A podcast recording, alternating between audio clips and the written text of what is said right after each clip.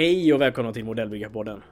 Idag har jag med mig Fredrik Håkansson som vanligt. Hur mår du Fredrik? Hallå, hallå. Jo då, det, det är bara bra som vanligt, höll jag på att säga. Ska inte klaga. Ja. Huvudet upp, fötterna ner. Eh, alla fingrar i behåll fortfarande trots hanterande av exaktoknivar och liknande. Vad bra. Ja. Ja, det är faktiskt... eh, eh, Det kan verkligen vara ett problem. Att man, inte att vi håller på att tappa fingrarna, men att vi... Det är ingen skadefri bransch vi pysslar med, helt klart. Nej, det har man ju hört genom åren hur många konstiga grejer som helst. Ja, precis. Folk som tappar eh, skalpeller i, i fötterna eller och så vidare. Och... Ja, det är nästan så det skulle vara krav på att vi har stålhätta på tofflorna. Skyddsombud för modellbyggare. Ja. Mm. Ja, men du, på tal om det. Har, eh, har du sett nu att eh, flera av de här färgtillverkarna, både AK och eh, jag tror Greenstar World, de börjar liksom levereras förkläden till modellbyggare. Jaha. Är det för att det, det har kommit fram till dem att vi är så jädra fumliga så vi behöver ha något sånt där att fånga upp bitar och verktyg och annat som faller. Något skydd? Ja, men det... Jag har nämligen... Det var ju spännande. Jag har nämligen eh, tänkt att man skulle ha förkläde som sitter fast under skrivbordet. Så när man kommer till skrivbordet så sätter man bara på sig det så hänger det liksom som ett skydd. Och detta är just för att inte mata mattmonstret. Eh, jag har inte kommit dit än, men det har varit en tanke i alla fall. Ja, ja men, men det skulle du kunna göra. Sätta någon kardborreband under eh, skrivbordskanten och sen något under Ja. kan, nederkanten på... eh, Ja. För då sitter det inte sådär jättehårt ifall att du helt plötsligt får för dig att bara backa. Du ska ju inte, du ska inte strypa dig själv. Nej, så man inte får nackspärr av, eh, av det. Ja, Ja, Komma inte, nej, komma inte doktorn med whiplash-skada. Liksom, vad har hänt här? Då var trafikolycka. Nej. Nej, modellbygge. Ja. Ja, de har också sett konstiga saker. Nej, men eh, ja, som sagt, mattmonstret ska vi ju inte mata och vi ska inte skära oss heller. Så att, eh, men det är ju en del av våra utmaningar också. Eh, vi har ju andra utmaningar som du och jag pratat om, bland annat eh, det här med stashhantering och sånt. Eh, men vi ska prata om det alldeles strax. Vad, vad, har du, vad har du för projekt just nu som du arbetar med? Nu, ja, som jag nämnde förra gången så har jag ju höll jag ju på med en jonk. Ja, just det. Den här, En kinesiska, asiatisk... den här kinesiska båten, ja, den asiatiska Mm. båten. Den är i princip färdig nu. Mm. Och eh, det är bara bottenplattan kvar att fixa till den. Just Det ställ som följde med var nämligen inte var ingen höjdare så jag försöker göra någonting annat. Ja, ja, ja. Ja, just det. Du skulle göra ett annat typ av eh, lite snyggare ställ så. Ja, något som eh, är lite stabilare också. Ja. Du gillar ju att ha de här mässingstavarna annars också. Det blir väldigt snyggt och fräscht och... Men nu ska jag försöka köra ut eh, någon slags printar i 3D-skrivaren, i resinskrivaren. Se om det funkar. Ja. Spännande. Det är lite ny, nytänk. Det ska bli väldigt spännande att se hur det ser ut. Ja men det fina är ju det att då kan jag anpassa till kölen så att det passar och så vidare. Det är det jag försökt tänka. Mm. Så att Just eh, det. jag kan få ett tajt och bra grepp mot eh, fartyget. Ja, ja, ja. Ja, just det. För hur gör man annars med mässing när det är... eh, När det är en kon... Vad blir det? Eh, Konvex eh, yta den ska stå mot.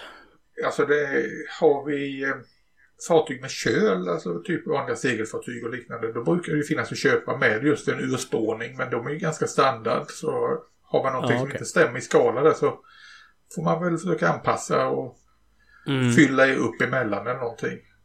Ja, ja, ja. Men det är framförallt då eh, de som gör, gör och säljer de här trämodellerna som eh, säljer sådana plintar. Mhm.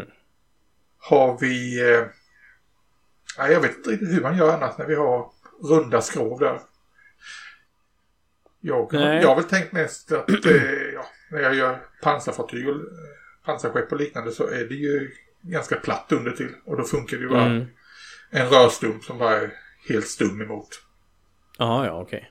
Ja, ja, men är det lite platt yta så funkar det ju jättebra. Och som, som du säger, i värsta fall får man väl slipa ut en skåra själv, eller vad säger jag om det är. Ja. Inte hela världen. Nej, jag har väl funderat på om man skulle göra, testa andra så grejer. Det finns ju de som lägger det på eh, fartyg på ett gäng sliprar så det ser ut som den ligger i en docka nästan på sådana prylar. Ja, ja, Kan vara ja, ganska elegant också. Ja, just det. Nej, det är sant. Vad, ehm, eh, nu är jag ju med i en annan grupp faktiskt på, på, eh, på Facebook där det handlar just om eh, träbåtar och modell...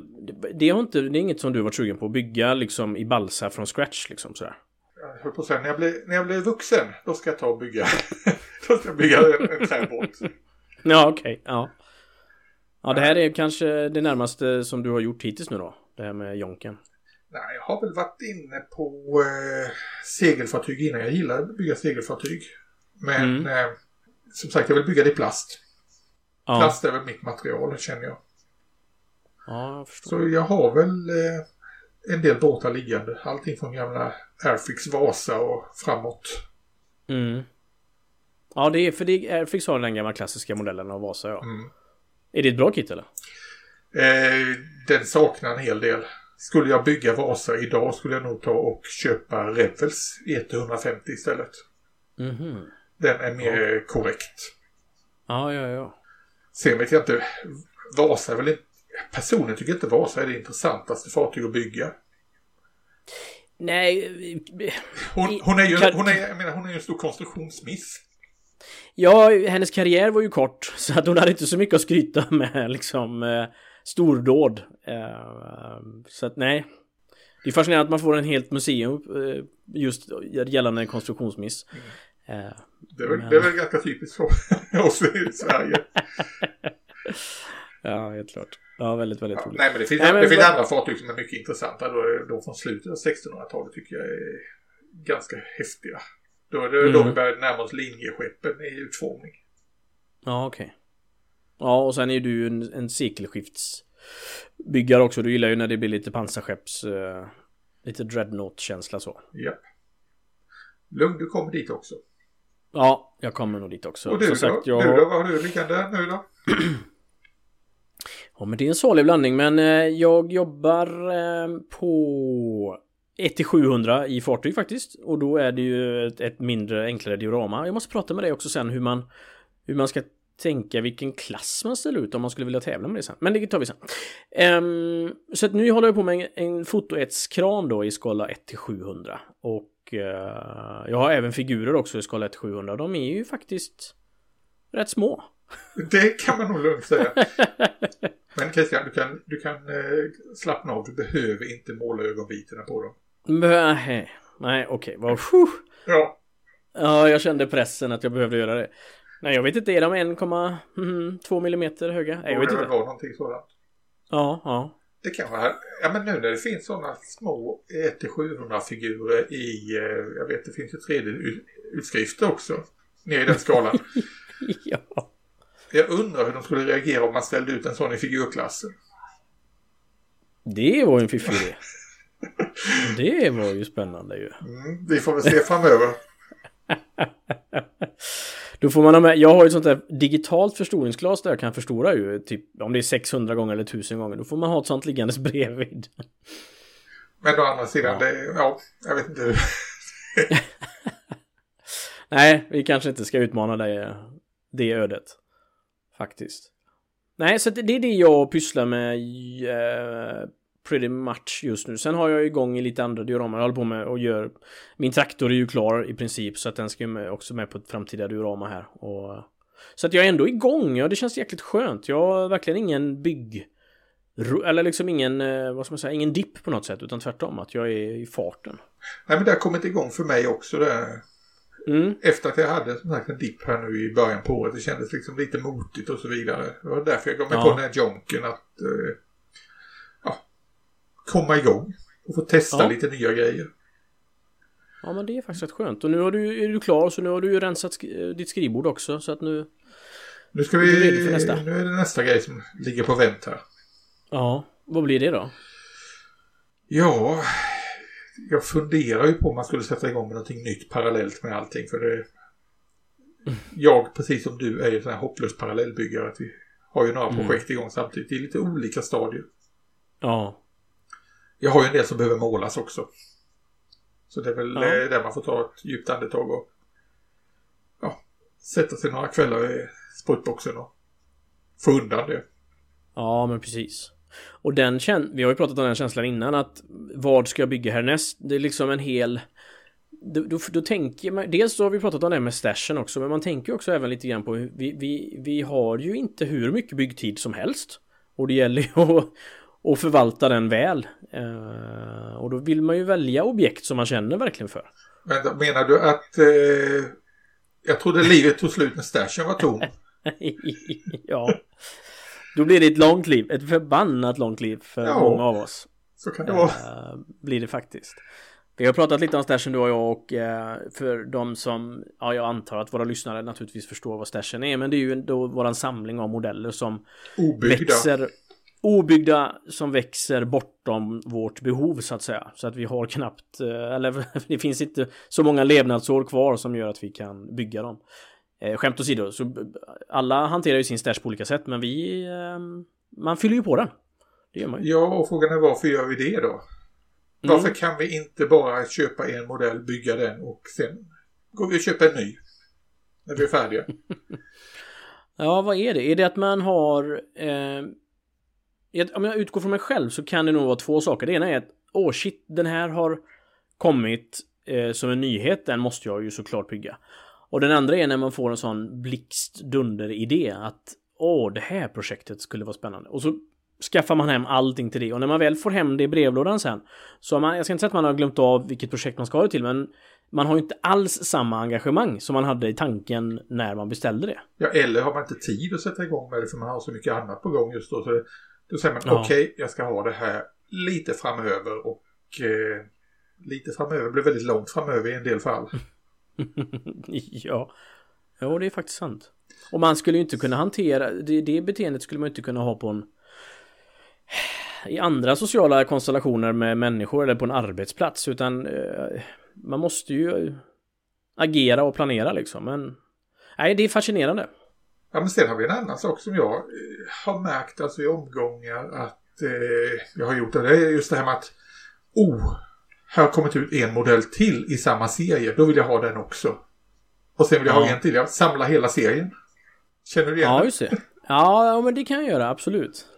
Nu var jag ju inne på de här ubåtarna, då har jag ju köpt i princip Hobbyboss, eh, stor del av Hobbyboss 1700 ubåtar där.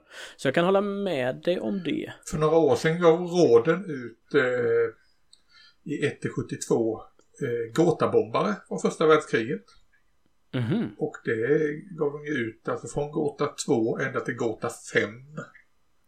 All right. Två varianter på Gåta 5 dessutom. Ja. ja. Det började med att jag råkade köpa råkade inom citationstecken köpa en av dem. Mm. Och sen, wow, det här var ju häftigt. Ja, men då hade det varit kul att ha den sista också så att man ser utvecklingen i, i planen. och helt plötsligt satt jag där med fem stycken modeller eller något sånt där. Ja. Ja, och det är ju absolut ett fenomen. Och inte osällan ser man ju det på flygborden att, att man ser att det är samma byggare som har byggt eh, kanske tre olika Spitfire eller tre olika 109 år eller någonting liksom. Men det där började ganska tidigt, alltså det kommer jag ihåg redan då i, i tonåren. Om vi går tillbaka mm. till vårt samtal jag hade med Tor. Att när mm. det började dyka upp svenska modeller, då helt plötsligt började jag tänka att ja men vad kul det vore att bygga hela flygvapnet. Ja, just det. Precis. Och då var man yngre tonåren. ja. Nej, det, ja, det, det, är ju det är väl en sån sak också. Man, för jag minns när jag fick för mig att nu ska jag börja bygga ryskt och då införskaffar man kanske ganska snabbt 10 kit liksom. T72, T62, T90 och så vidare. Och så vidare och I alla dess former. Och det är väl den här klassiska saken vi pratar om att vi är i en guldålder också. Att det finns så förbannat mycket bra idag. Japp. Precis. Och att det hela tiden kommer ett nytt som är ännu bättre dessutom. Det är ju jag höll på att säga, det är förödande. Ja, faktiskt. För jag sitter med en del grejer där jag vet att ja, men det här var jättefina grejer när jag köpte det. Men idag när jag mm. tittar på det så bara, nej, herregud, jag vill inte bygga det här. Det finns ju ännu bättre prylar. Ja, då är ju frågan, vad ska man göra med sådana? För det handlar för det första handlar det om att identifiera dem som man känner att nej, jag kommer inte bygga den, den passar inte min stil och så vidare. Och sen då? Ja, en bra fråga. Vad gör man med det? Varken du eller jag är speciellt eh, benägna till att sälja modeller. Det är ju Jag, jag beundrar de som kan rensa ut i sin stash ordentligt. Mm. Nej, det är sant. Och jag... Eh, dels har vi pratat om det att jag... Jag kan tycka att det kanske inte är värt besväret för några hundralappar per modell och så vidare. Och så vidare. Men sen kan det vara så att jag har varit en liten buse, att jag kanske har varit inne och nibblat och fipplat lite på en av modellerna. Så är de... Eh, alltså vet man inte om de är helt kompletta, eller kompletta är de ju, men man...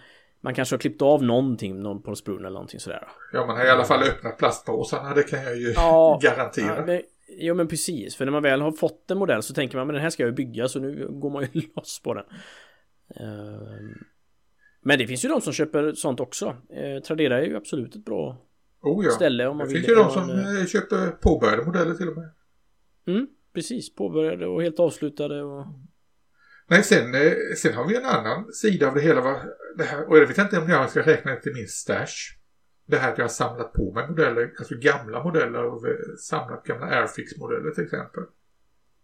När det blir rena, när du redan från början bestämt att det här ska inte byggas utan det är samlarobjekt? Det, ja, jag vet ju inte om jag har bestämt att jag ska bygga det eller inte. Men jag, till exempel om alla de här Airfix 54 mm figurer som jag har ut, framförallt Napoleonkrigen. Ja, okej. Okay. Gjordes som byggsatser. Ja. Kom på 70-talet var det väl, framförallt. Det har jag samlat på mig allihopa. Med intentionen att jag ska bygga dem någon gång fram till mig. Ja, ja. Nu har jag ju liksom på olika sätt har det blivit dubbletter av dem och så vidare. Och många är liksom aldrig uppackade utan de sitter i sina blisterpacks. Jag tycker de är fina. Ja. Det blir eh, som en samling i sig. Jo men ser man det till, om man bygger dem och ser det till det historiska, för det är klart att det finns ju begränsningar i kvaliteten som mm. gör att man kanske inte hade varit nöjd med dem i en annan situation. Men om man bara ser det till det historiska byggnadsperspektivet så är det ju jättefint att ha dem. Ja, en del av de här gamla grejerna är faktiskt lite roliga att ge sig på också att bygga idag. Mm. Den här E-My Junken till exempel, det var ju också en gammal modell. Den har ju ett antal Aha, år okay. på nacken men det har ju har inte kommit någon liknande här nu på sista, på senare Nej. åren. Så. Vill jag ha en sån här så får jag ju ge mig på den gamla. Ja. Nej, det är faktiskt sant. Är, eh... Men var går gränsen mellan samlande och, vad ska jag säga, stashen? Det är det, det är, jag har gått och grundat på det men alltså, gamla byggsatser, jag kan köpa det bara, och, bara för att jag gillar boxarten. Mm, mm. Vi har, Nej, vi har ju sådana killar som Roy Cross till exempel som gjorde många Airfix eh, omslag eller boxarter till Airfix-modeller. Det är fantastiska ja. målningar.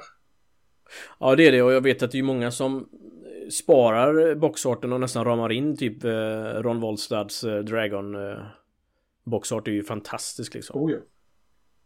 Men eh, nej jag, för, jag, för något, ett, något år sedan, eh, eller två kanske till och med, så i och med att man alltid har gillat att bläddra i Tamias eh, kataloger så hittade jag en av deras sådana här klassiska bilar som drivs av sol, Solar Panel Car. Ja.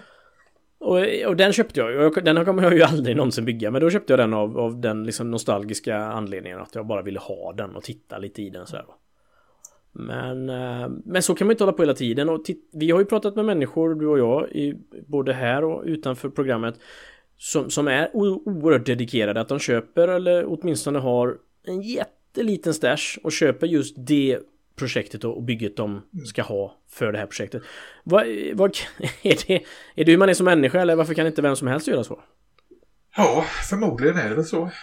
Vissa har mm. inget behov av att eh, samla. En del av oss är hård, så jag på att säga. ja. Men jag kan väl säga för min egen del alltså att jag blev eh, lite mörkrädd när jag upptäckte att jag hade en så stor stash som jag hade. Men sen kom jag faktiskt på att det fanns en förklaring till det.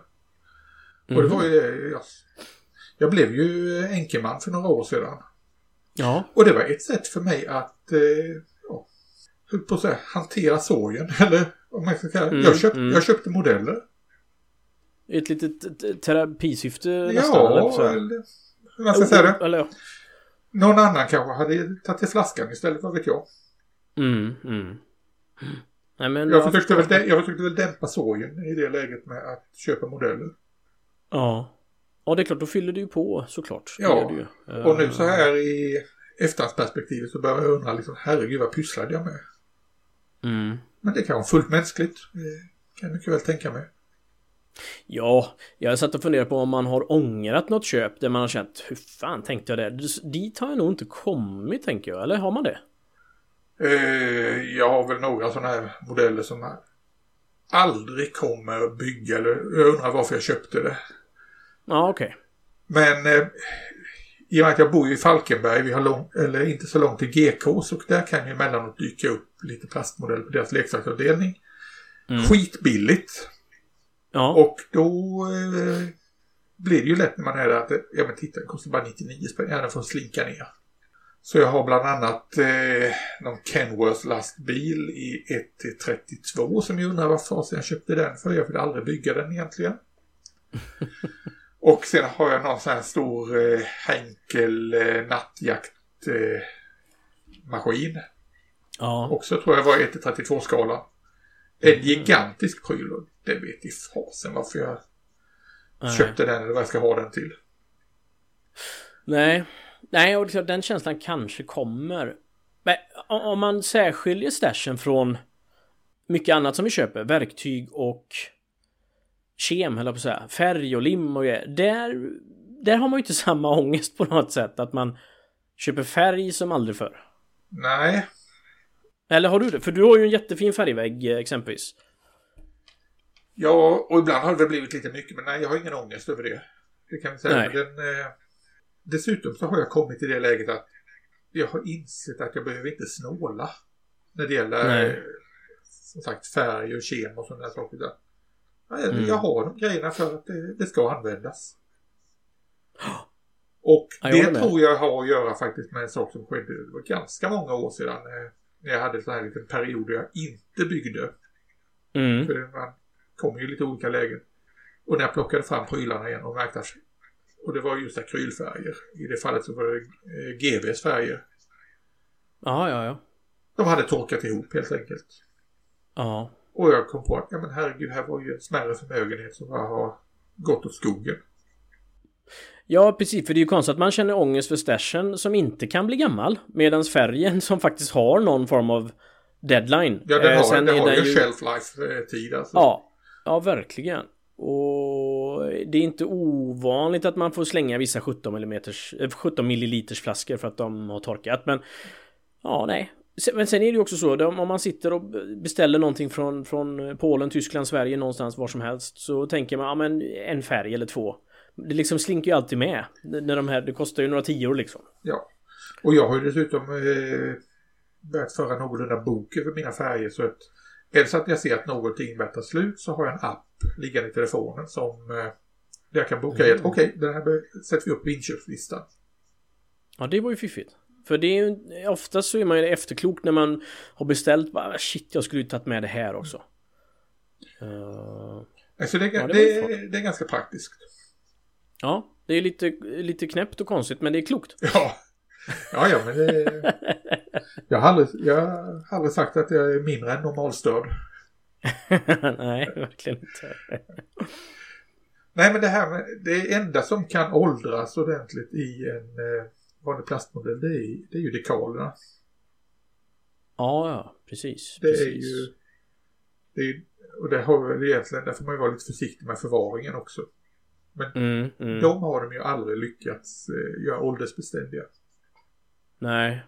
Men det vi pratar ändå ganska många år innan de blir... Ganska många år, ja. Påverkade blir de kanske ganska... Jag vet inte hur långt, men om vi pratar 40 år på det, då är det ju väldigt lång tid. Alltså, men ja, ibland kan man få ta på gamla Airfix-modeller och liknande. Och så mm. dekalerna, de faller sönder helt enkelt. Ja. Nu, Nej, nu vet jag ju om det, att, att, eh, har jag så gamla dekaler och antingen hittar man ju alternativ eller om jag måste använda dem då får man ju kan lägga på ett extra lacklager på dekalerna eller någonting sånt där så att, för att hålla ihop det. Nej men det är ju inte ovanligt att man har väldigt gamla modeller på hyllan. Det har ju hänt. Mm. Verkligen. Sen tycker jag ju faktiskt att det är roligt att bygga. Det har jag ju sagt förr. Jag tycker det är roligt att bygga sådana här riktigt gamla modeller. Få tag på en modell från 50-talet. Och mm. få bygga den. Känna liksom det här. Okej okay, så här var det att bygga på den tiden. Mm. Historiens vingslag, verkligen får man en känsla för då ja. För det, de är lite annorlunda konstruerade och det är annan plast och ibland bara svär man och tänker att herregud hur lyckas de få ihop någonting av det här? Och ibland är det bara mysigt. Ja. Sen kan vi Men, jag- Sen är det också det här med att en del modeller har, är så gamla former och de används fortfarande. Finns Ja. ju del som är 50-60 år gamla former som de fortfarande ger ut modeller ifrån. mm. Revel och Airfix är ju experter på det där att eh, recycla gamla modeller. Ja, det finns ju verkligen bra exempel på det. Och generellt sett så har de ju klart, de finns ju kvar av en anledning. Det är ju för att de håller måttet, tänker jag. Ja, eller att de är populära och eh, aldrig har Mm. hållit måttet egentligen. Men då resonerar jag så att då bör ju få, om jag har en modell som är gjord för 40 år sedan, då bör Mm. ju formen ha varit i bättre skick då än vad den är nu. Mindre flash och liknande saker. Så Ja. då bygger jag hellre den gamla modellen. Ja, det är en poäng. Men jag tänker på Tamiyas gamla Panther, den här, den kostar väl 129 spänn nu på vissa ställen. Eh, den är väl från 71 tror jag. Ja. Och, hur och då är vi på, ja, ganska exakt 50 år gammal eh, gjutverktyg då. Och, det, och det, det, den håller ju måttet för nybörjare och eller för människor som vill ha ett snabbbygge eller sådär. Men då vore det väl Det- intressant att kolla, jämföra den. Hitta, Mm. en, hitta en gammal låda som är liksom från 71, 72, 73 någonting. Ja, Och jämföra hur gjutningen ser ut med en som är nyproducerad. ja det är faktiskt sant. Det är faktiskt sant. Jag tänker att, att, att de gör nya verktyg eller? För de håller väl kanske inte så länge eller? Nej, de här gamla, de gamla grejerna gjordes ju i stålformar som hade längre och bättre livslängd. Ja, okej. Det var ett helt annat hantverk. Ja. Så det är väl i så fall att nya former har inte samma livslängd om jag har förstått det hela rätt. Nej, nej, okej. Nej, men det makes sense. Absolut. Är de här gamla formerna, det är ju fortfarande de som använder de här. Det finns väl något eh, företag som heter Atlantic eller liknande som plockar fram gamla monogramformar till exempel och Mm. försöker göra nygjutningar, re, re, renovera gamla former helt enkelt. Ja, okej. Okay. Modellproducenter eller modelltillverkare, de är ju generellt sett ganska dåliga på att beskriva sin sin process när de, när de faktiskt gjuter eh, sin plast och hanterar och så att det blir, det skulle de kunna ha mer storytelling om tycker jag. Ja, du kanske ska köra något avsnitt om eh, hur en plastmodell blir till framöver. Mm. Ja, precis. Vi lägger det på minneslistan. Ja, det, det vi fyller på, fyller på den, helt klart. Ja, nej, nej men på tal om eh, färg och, och så vidare. Man har ju oerhört många olika fabrikat och, och eh, för min egna del om man ser det till kopplat till stashen så kanske man köper någonting till ett objekt också. Mm. Och då bygg, om man inte bygger det objektet som man har tänkt då blir ju färgstashen också påverkad av det. För att om man köpt grejer. Är du sådan att du eh, Eh, vad ska man säga, trogen ett färgfabrikat eller, och sen håller dig till det eller har du bytt efter, efterhand?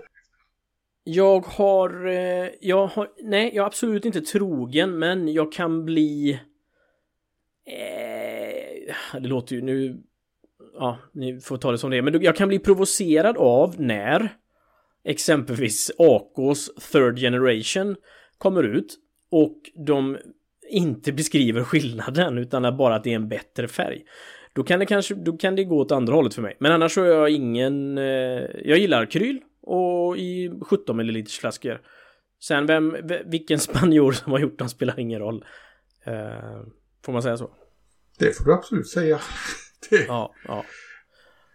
Ja, jag har väl faktiskt skiftat det genom åren men det har ju berott lite på hur processen har förändrats. De första Ja. akrylfärgerna som var ordentligt tillgängliga för mig det var ju när Humboldt kom med sina acrylics. Ja, just det. Kommer Ja. du ihåg dem? De kommer absolut ihåg. Det var ju så jag startade min tenn, tennmålingsbörjan Ja. där. Och eh, ja, de funkade väl på den tiden men jag skulle inte vilja använda dem idag. De gamla. Nej, men jag har, nog, jag har nog köpt några av de gamla av någon anledning. Eh, Jag har glömt av anledningen om det var för att jag behövde vitt och det fanns inte någon annanstans där jag köpte. Jag vet inte, men... Eh, eh, nu hoppar jag framåt, men jag skulle faktiskt vilja testa... Jag skulle vilja se pigmentskillnad på olika färger. Att, att man verkligen gör en undersökning i hur skillnad är det på färger. Jag har ju aldrig varit, nu är ju inte det exakt samma typ, men jag har ju aldrig varit en Tamiya-färgkille. Jag har ju aldrig jag har inte sprutat med Tamiya, jag har inte penselmålat med Tamiya och det är ju väldigt många som börjar där tänker jag, men jag har aldrig gjort det. Nej, det, har, det har gått i perioder för mig. Alltså också beroende på vad är det för grejer jag ska bygga. Ja, okej. Och... Eh, ja, ibland, ibland har det funkat bra med Tamiya. Sen eh, jag är väl ganska förtjust just i eh, också akryl, ren akryl, alltså i Mm. Valleos Air. Som jag tycker är bra att spruta. AK-färgerna tycker jag också är bra att spruta. Jag har lärt mig hantera polska Hataka-färgerna nu. Ja, right. Så, ja. Men jag, jag är nog inte trogen någonting på det sättet. Men jag kan eh, överge gamla grejer för att, som du säger med pigment och grejer. Humbolfärgerna de har ju gått åt, eh, jag tror fortfarande det ligger en låda kvar någonstans men de kan ju inte vara annat än stenhårda idag. Nej, precis. En stor plastklump bara. Typ. Eh, ja. Nej men det skulle vara Och det är likadant det här med när man använder oljor. För att det är ju också en, oftast en diskussion om eh, nybörjare eller andra människor som skriver så här, kan jag använda modellolja jag har köpt på där och där och så Nej men använd specifik, specifik modellolja eh, för att pigmenten är mindre och så vidare och så vidare. Och det och det är, utan att veta det så är det säkert helt sant. Men jag skulle vilja se skillnaden i antingen i mikroskop eller... Nej men det, alltså, det kan vi säga, du behöver inte använda just modellfärg, du behöver inte använda Abteilung eh, olja till exempel. Men det är skillnad på sådana här billiga, du köper färg, en sån här liten färglåda med oljefärg som står Mar- Marie's Oil Colors Made in China. Mm. Mm.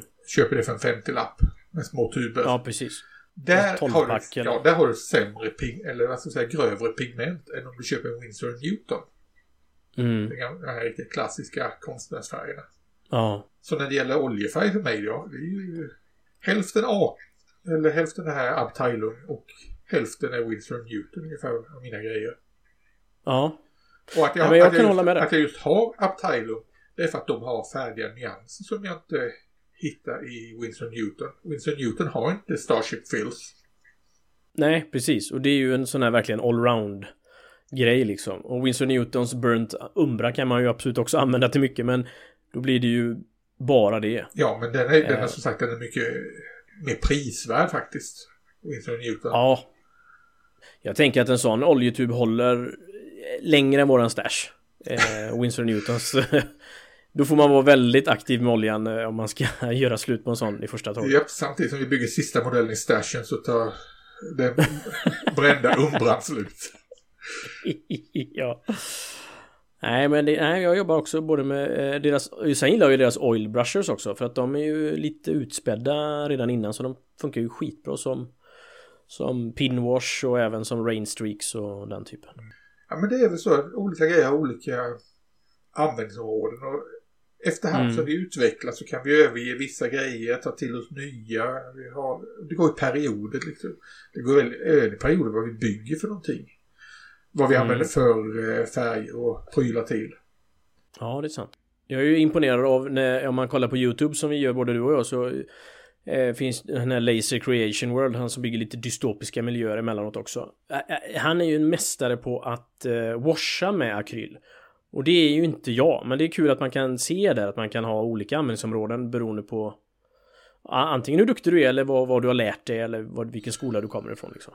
Ja, jag tycker det jobbigaste är att man har så kort tid på sig när det gäller akrylwashen. Alltså det, nej, men det är, Mm. jag håller med dig. Jag beundrar de som kan den där biten.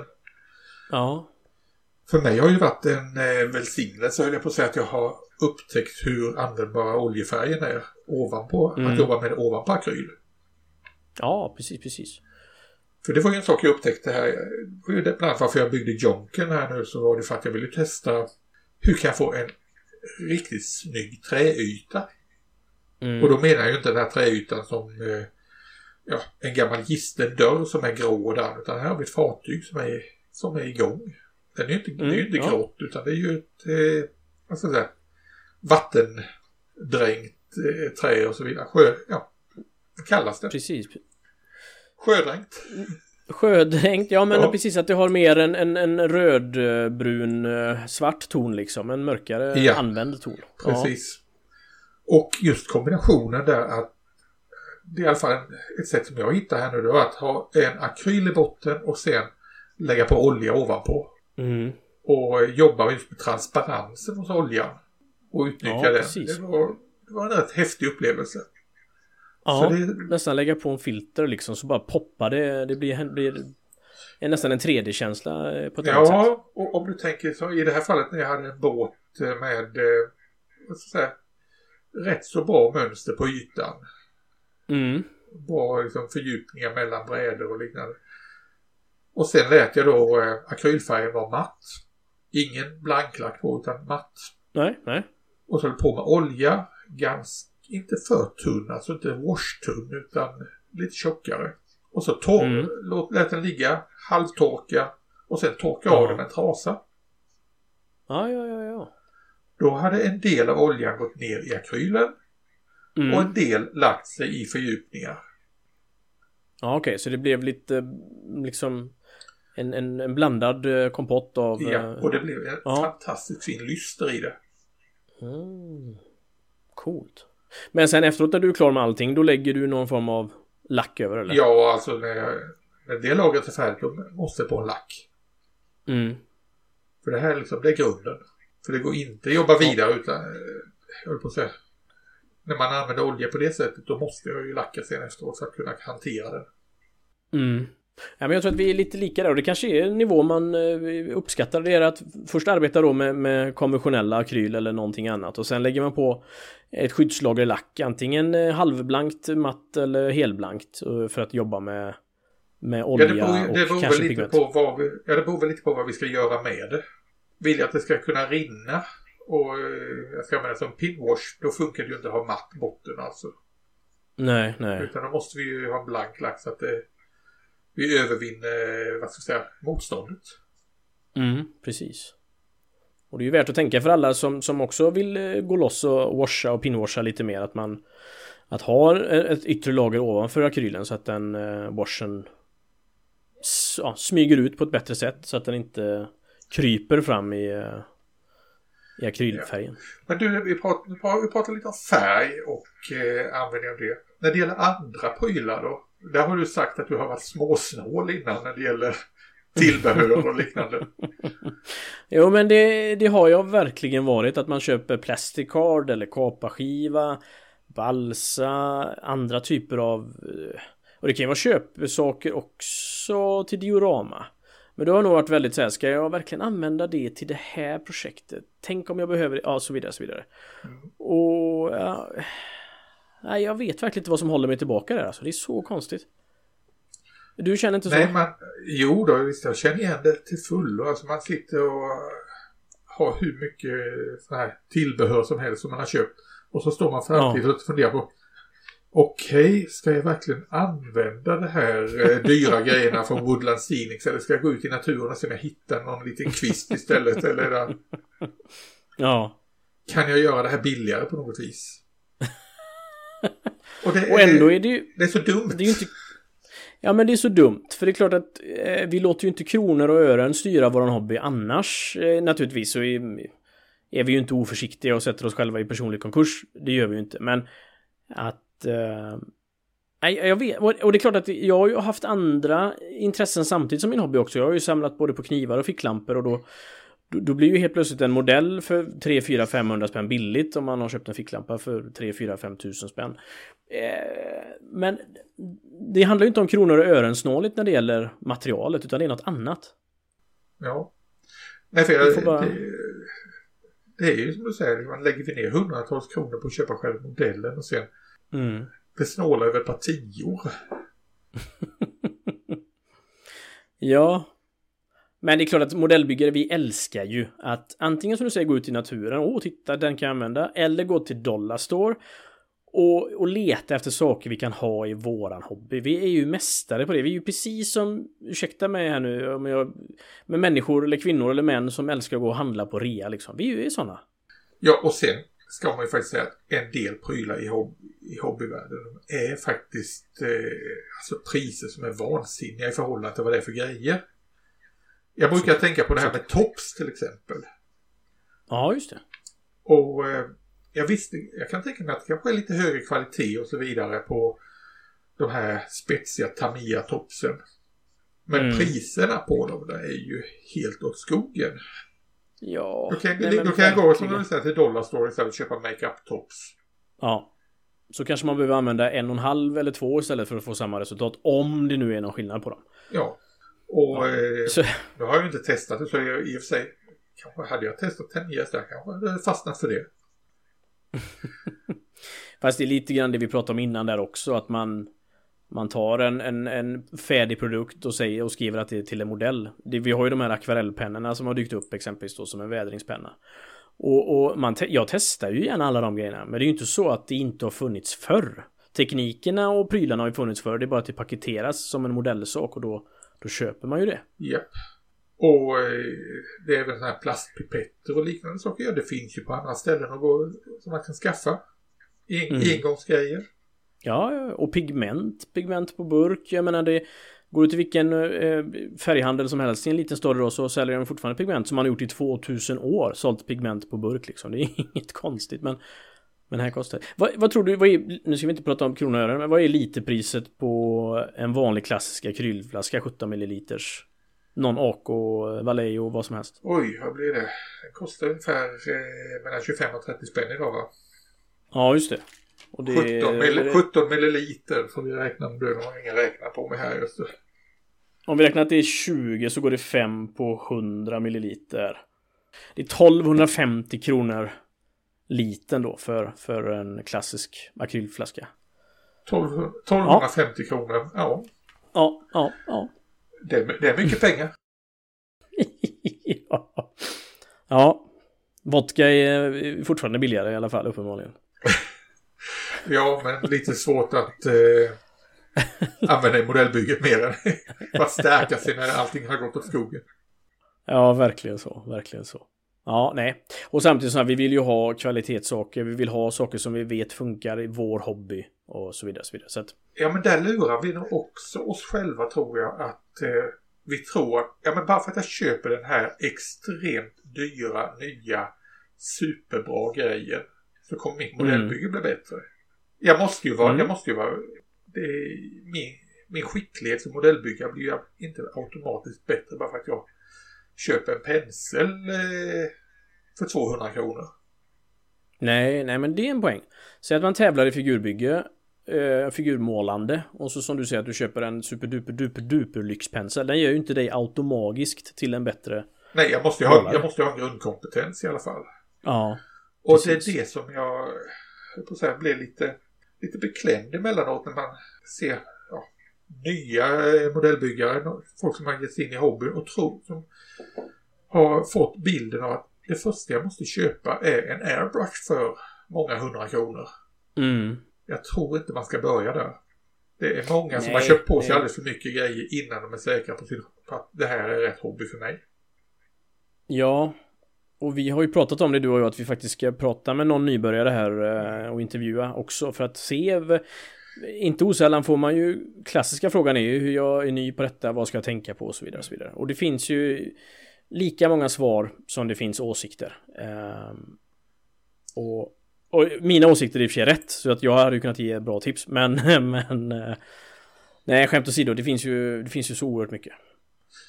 Ja, men titta på hur vi, de flesta har börjat en gång med hobby så är det med väldigt, väldigt enkla verktyg. Mm. Och jag tror att man, vi behöver nog egentligen inte så mycket. Det vore kul att sätta sig ner och eh, plocka fram alltså, det här hade jag som verktyg när jag var 12 år gammal. Mm. Vad kan jag få ihop med det idag? Det kanske ska bli en utmaning för dig och mig framöver. Ja, nej men absolut så. För ja, men ja, det håller jag med om. Och grundinställningen är ju ändå att det ska vara roligt att göra det. Det ska inte vara... Man ska inte känna att det är skittråkigt, ett straff, när jag tar det slut, jag orkar inte mer och så vidare. Utan det ska ju vara kul. Eh, Att få ihop det. Nej men det, Men sen- det, vore, det vore intressant en utmaning att ta en byggmodell, bygga den direkt i lådan Mm. med väldigt, väldigt enkla verktyg. Ja. För jag tror vi är väldigt, vi är väldigt bortskämda du och jag. Jo, men det... Jag tänker... Det har vi väl gjort för, oss förtjänta av. Ja, då, det har vi. Nej men det är klart att det är som alla men våra lyssnare också det med att, att de är erfarna och vet vad, de, vad som funkar för dem och inte och då vet man också nivån. Jag behöver inte betala extra för det för att det spelar ingen roll eller att jag köper hellre en bättre modell. Sen finns det ju de som har ett stort behov av att bygga Och de som har ett stort behov av att småbygga och sen måla vädra. Liksom. Så man har ju olika behov också verkligen. Och sen har vi sagt det här också för att det är roligt att köpa verktyg. ja men det är det ju. Det är materialsport det här. Det är verkligen så. Idag köpte jag, för att man borde kanske ha det hemma också. Vad heter en sån klassisk rörtång? Vad heter en sån som man förändrar storleken på? Ja, är det en rörtång eller en polygrip? Polygrip, ja. Ja, det kanske är samma sak. Jag vet inte. Eh, eh, och det är ju för att ibland har jag svårt att få upp burkarna på eh, eh de spanska märkenas washburkar. NML Wash exempelvis, så de korkar igen. Nu använder inte jag det så mycket, men då köpte jag en sån. Tänkte att jag har den bara för att öppna burkar med. det ja. brukar vara mitt bekymmer med gamla Tamiya-burkar. Att de sätts igen. Ja, ja. Jag, jag har nämligen aldrig eh, kunnat eh, ha disciplin nog att göra sådana här saker som alla säger då att ja, man ska ta och eh, torka av kanten eller man ska mm, lägga lite mm. vaselin på kanten. Och ja, det finns ju hur många tips där. Ja. Och jag är liksom inte så disciplinerad i, i min skalle så att jag fixar det där. Men det är, tanken är ju ändå väldigt god naturligtvis.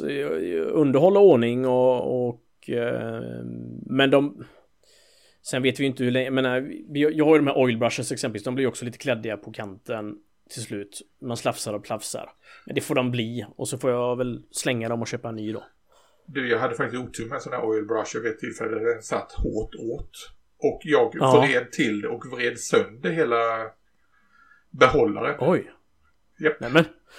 Så jag hade Oj. det över hela bordet framför mig helt plötsligt. Nämen. Oh my god. Så stark är ju inte jag. Så det bekymret kommer jag aldrig ställas inför. Ja, men, det, men det, äh... den gick, eh, gick sönder nedanför kanten så att säga. Åh oh, fan. Ja. Så dumt. Så det var bara att slänga hela ja. skiten. Ja, jag säger då det. Jag säger då det. Ja, det är sånt som händer. ja, men det är din sanning. Ja, verkligen. Vad konstaterar vi då kring, kring stashen? Att det um, vi får leva med att den växer och att vi uh, ja, har den bortom vår livstid. Det, det, är väl eh, förhoppningsvis kan, kan väl våra efterlevande hitta något värde i den. Eller att det har antingen ekonomiskt värde eller något annat värde så att eh, de får ta hand om det helt enkelt. De får ta hand om det. Jag funderar på om man ska skriva in det i Vita arkivet att eh, modell, den tillfaller IPMS eh, Östergötland. Det någonting? Jag vet inte. Nej men jag har väl sagt det innan att jag har ju faktiskt en grej som jag har börjat med. Och det är mm. eh, att om jag, jag har bekanta då som har barn i, vad ska jag säga, rätt formativ ålder för att börja med modellbyggande. Då mm. tar jag gamla modeller ur min stash, inte hur gamla som helst, det ska vara lite vettiga modeller, men modeller som ja, av någon anledning har hamnat där. Och jag ger dem gärna de modellerna. Mm. Och då får de med kanske då en, eh, en typ så här Revel, eh, lite lim. Ja, ja, ja, precis. Eller Några färgburkar och lim. Ja, ja, jag har lite sådana grejer. Jag, har, jag kan dela med det. Förhoppningsvis får jag en mm. ny modellbyggare där. precis. Ja, för det är ju hela din och min mission. Det är ju naturligtvis att vi ska öka insikten eh, bland modellbyggare och, och, och få fler eh, att börja med det. Jag gjorde samma sak med min yngstas, hon har två bästa kompisar som är tvillingar, två killkompisar. De fick samma i, i julklapp av mig. Och just för att ja, men främja den här kreativa förmågan hos barn som kanske inte annat kommer fram idag annars än genom deras iPads och TV, TV-skärmar. Jag tror det ja. En sista grej när det gäller stashen. Kan du mm. hålla det här med att eh, ge dig själv köpförbud? ja, i... Ja, men jag tänker du och jag har ju haft den här diskussionen också nu i början av året här att vi... Jag har sagt att jag skulle ha en modell, en vit modellmånad och... Eh, nej men det... Nej men har man ett behov om man har ett projekt som ska tillgodoses då får man ju fylla på helt enkelt. Så nej. Själv då? Eh, försöker ju men nej, det går inte.